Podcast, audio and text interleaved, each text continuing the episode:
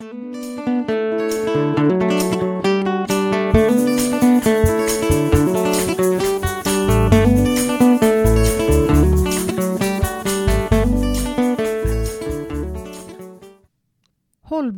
är ju en viktig fråga för många i samhället. Och det är faktiskt också en stor fråga för försäkringsbranschen. Hållbarhet och försäkringar kanske inte är två saker som man omedelbart kopplar ihop.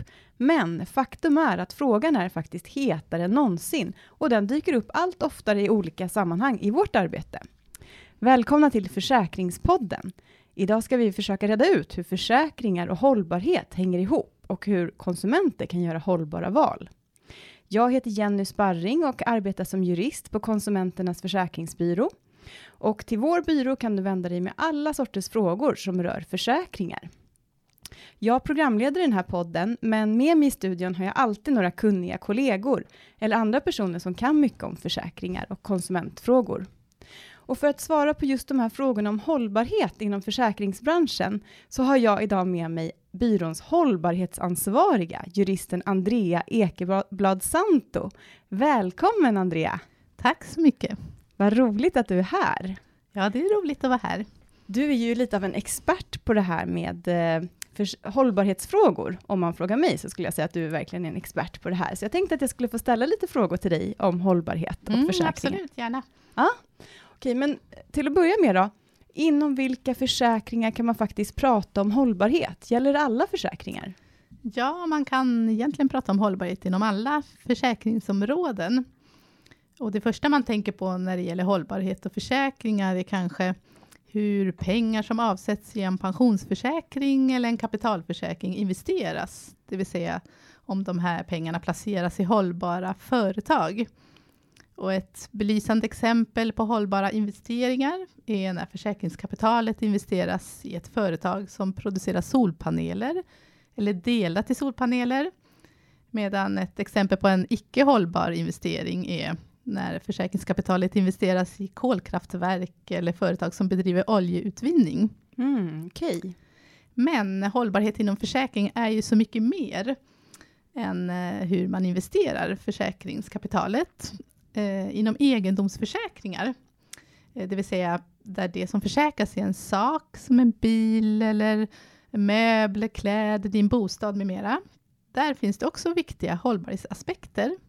Mm. Jag skulle säga att det är minst lika viktigt ur ett hållbarhetsperspektiv hur försäkringsbolagen arbetar med hållbarhet eh, inom ramen för egendomsförsäkringar, som mm. hur bolagen investerar kapitalet som de förvaltar. Mm. Eh, jag kan ta lite konkreta exempel på bolagens hållbarhetsarbete inom egendomsförsäkringar. Ja. Eh, till exempel då inom bilförsäkringar. Där hanterar ju bolagen ett väldigt stort antal eh, bilskador varje år. Ja. Och vid en bilskada då anvisar ju försäkringsbolaget normalt en verkstad som ska reparera bilen och så är det försäkringsbolaget som betalar kostnaden. Och i ett, ur ett miljöperspektiv, då får ju det en väldigt stor betydelse Eh, vilka verkstäder försäkringsbolagen väljer ut och vilka krav bolagen ställer på verkstäderna som får utföra reparationerna. Till exempel så får det ju stor påverkan på mängden koldioxidutsläpp om verkstäderna väljer att i första hand laga eh, en skada, till exempel man bankar ut en buckla eh, eller väljer att laga på något annat sätt mm. istället för att använda nya reservdelar eller mm. också får det stor påverkan om man använder begagnade delar istället för nya reservdelar. Mm. Men hur ska då konsumenter tänka nu när de vill välja en hållbar försäkring? Finns det någonting man kan tänka på då? Eh, ja, jag tycker att det är viktigt att tänka på att man som konsument kan göra skillnad genom sina val. Och att det är bra att påtala för sitt försäkringsbolag att man tycker att hållbarhet är viktigt och ställa frågor till bolaget när man ska välja och fråga hur det arbetar med hållbarhet inom ett visst försäkringsområde. Mm. Eh, som konsument kan man också gå in på bolagets hemsidor om man vill skaffa sig mer kunskap och där kan man ofta hitta ganska mycket information om hur bolagen arbetar. Vissa bolag skriver ju väldigt mycket och andra lite mer begränsat. Mm. Men ofta hittar man någonting i alla fall. Eh, men vi är ju väldigt medvetna om att det är väldigt svårt att få en överblick över vilket val man ska göra om man som konsument ändå vill välja en hållbar försäkring. Ja. Så därför har ju vi påbörjat ett arbete med att ta fram jämförelser eh, av försäkringsbolagens konkreta hållbarhetsarbete, för vi vet ju att det finns en, ett behov för konsumenter att få den här informationen. Ja, det här är ju verkligen jättebra, för konsumenter behöver ju verkligen hjälp. Alltså vi alla behöver ju hjälp i att få en överblick och förstå hur, hur allt hänger ihop. Och... Ja, precis. Ja, det är ju väldigt svårt att hitta den här informationen själv. Mm. Eh, och eh, i höstas, nu har vi påbörjat det här, och i höstas så publicerade vi vår första hållbarhetsjämförelse som är då eh, på bilförsäkringar. Mm. Eh, och man kan säga att vi egentligen har två syften med att ta fram de här jämförelserna av bolagens konkreta hållbarhetsarbete. Dels då hjälpa konsumenter som vill välja hållbart, men också då att lyfta fram bolagens hållbarhetsarbete och göra det transparent hur bolagen konkret arbetar med hållbarhet, för att också visa konsumenter som kanske inte ens tänker på att det finns de här Mm. aspekterna inom försäkring, och särskilt när man kommer då på e e egendomsförsäkringsområdet. Mm. Så att vi vill lyfta upp att det här finns faktiskt mycket, både för konsumenter och för bolagen, att göra inom de här områdena. Ja ja, men det är verkligen superintressant. Men har du sett någon förändring då i konsumenternas inställning till hållbarhet de senaste åren? Har det skett någon förändring i det här? Eh, ja, jag har ju jobbat här på Försäkringsbyrån i sex år, och jag kan faktiskt se att under den här tiden så har det skett en tydlig förändring och förskjutning. Mm. om jag ska ta ett konkret exempel. Eh, när jag började på Försäkringsbyrån så var det väldigt vanligt, och flera år framåt, då med frågor eh, från konsumenter eh, där det var sådana här försäkringsärenden när man har tappat eller blivit av med sin mobil. Den har Mm. blivit stulen eller borttappad eller bara Mm. skadad. Man har tappat den i marken. Och då eh, anmäler ju konsumenter det här till försäkringsbolaget och Mm. då eh, när man får en utbytesmobil så hade de flesta konsumenter som förväntning att få en ny mobil, alldeles Mm. oavsett hur gammal den skadade som man hade förlorat Ja. var vid eh, skadetillfället. Eh, och eh, försäkringsbolagen har ju eh, för ganska många år sedan börjat arbeta med att de byter inte ut mot ny, helt nya, utan de försöker laga och lägga in utbytes, alltså nyreparerade delar Mm. I de skadade produkterna. Och så får man en motsvarande mobil, Mm. eh, men av samma årsmodell och Mm. eh, ja, standard Mm. ja, som tidigare, men man får inte en helt ny.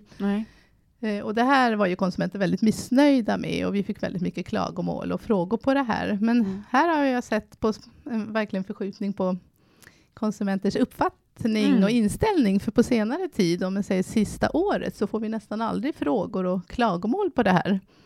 Vad härligt egentligen. Vad Ja. härlig nyhet egentligen. Så det ser vi Mm. som en trend. En bra förändring. förändring. Ja, precis. Mm. Kan du se att hållbarhetsfrågor intresserar vissa konsumenter mer än andra? Finns det liksom åldersskillnader eller att man bor på en viss del av landet? Kan du se någon sån skillnad?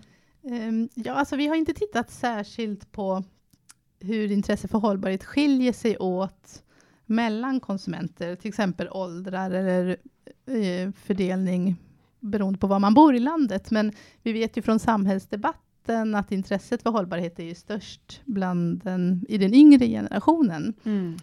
Eh, och eh, min uppfattning är att om försäkringsbolagen kommunicerar tydligare kring sitt hållbarhetsarbete, som de faktiskt gör, och hur försäkringsprodukterna är utformade med hänsyn till hållbarhetsaspekter, så kan det vara något som faktiskt väcker intresset för försäkring Mm. hos yngre generationen, som annars då har ett ganska lågt intresse för försäkringar. Ja. ja.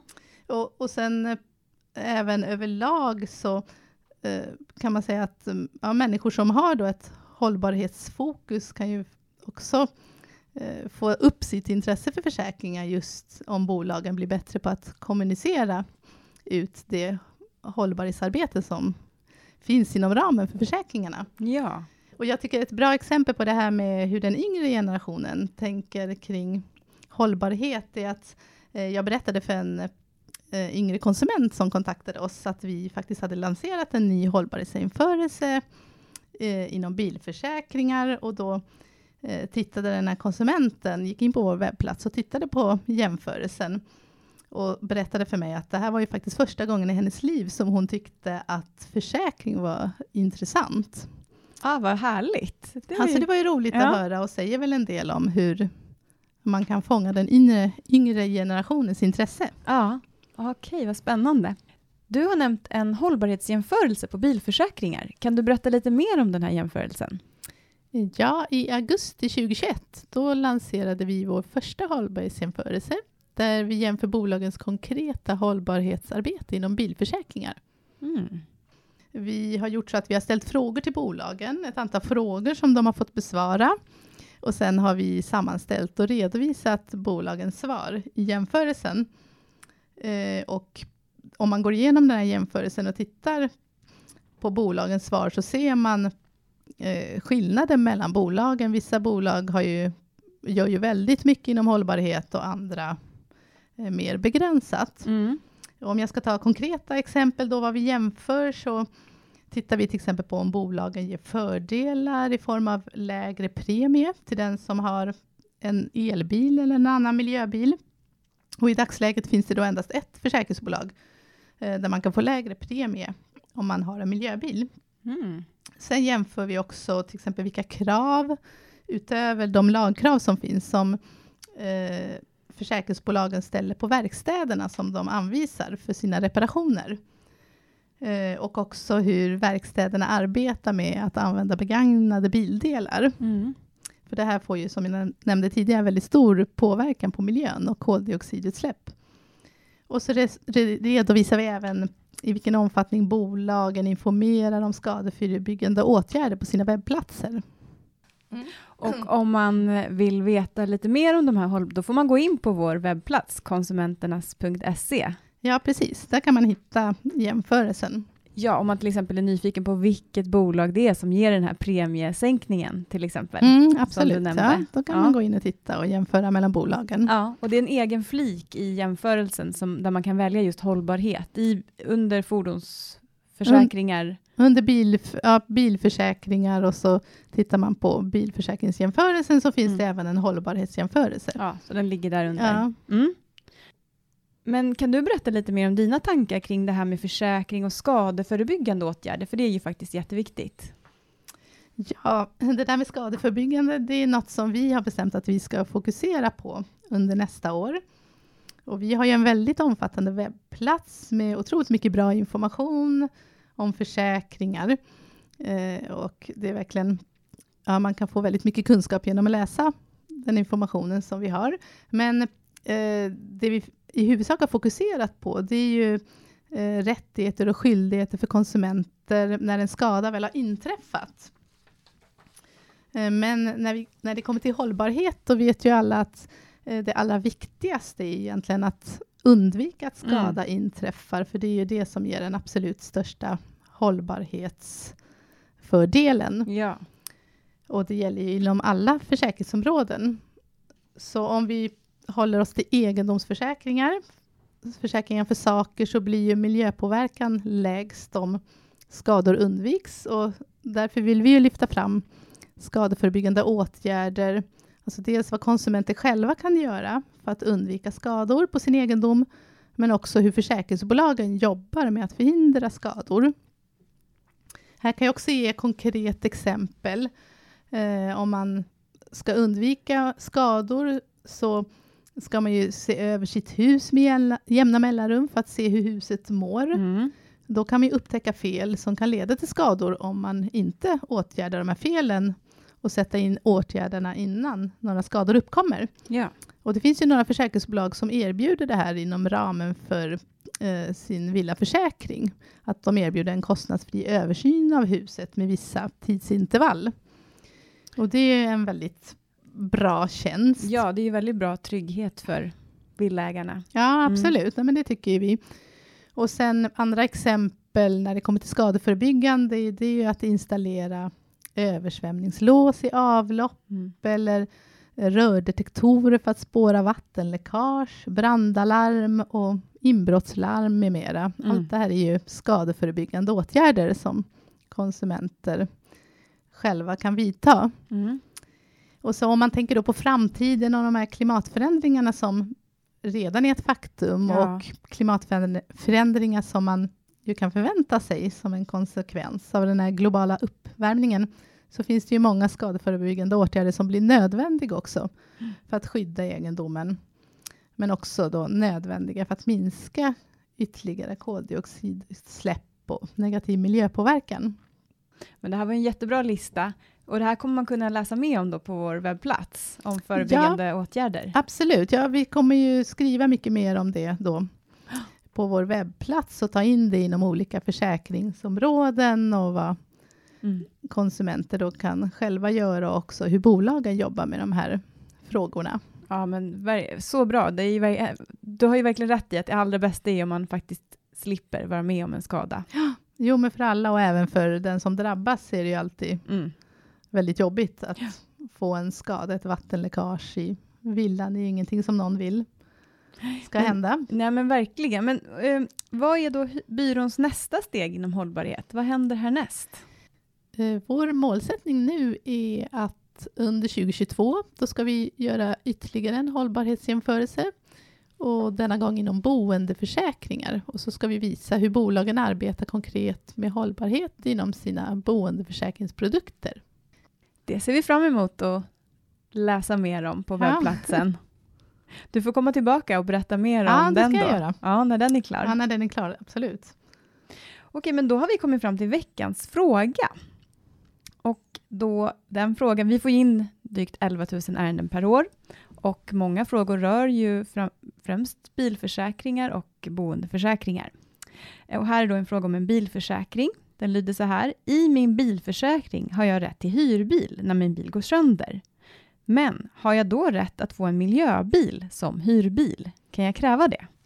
Eh, ja, då finns det ju, det kan man se också i den här jämför, bilförsäkringsjämförelsen, eller hållbarhetsjämförelsen på bilförsäkringar, eh, att det finns fem bolag som alltid då ger ut en miljöbil som hyrbil när du har rätt till hyrbil i ditt försäkringsavtal.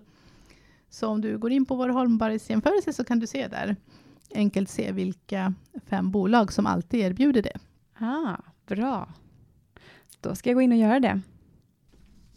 Det var allt för den här gången. Besök gärna vår webbplats konsumenternas.se. Där kan du få svar på de flesta frågor som du kan ha om försäkringar. Eller kontakta oss gärna med din fråga eh, per telefon eller mejl och den kontaktinformationen hittar du på webbplatsen konsumenternas.se. Tack så mycket Andrea. Tack så mycket själv.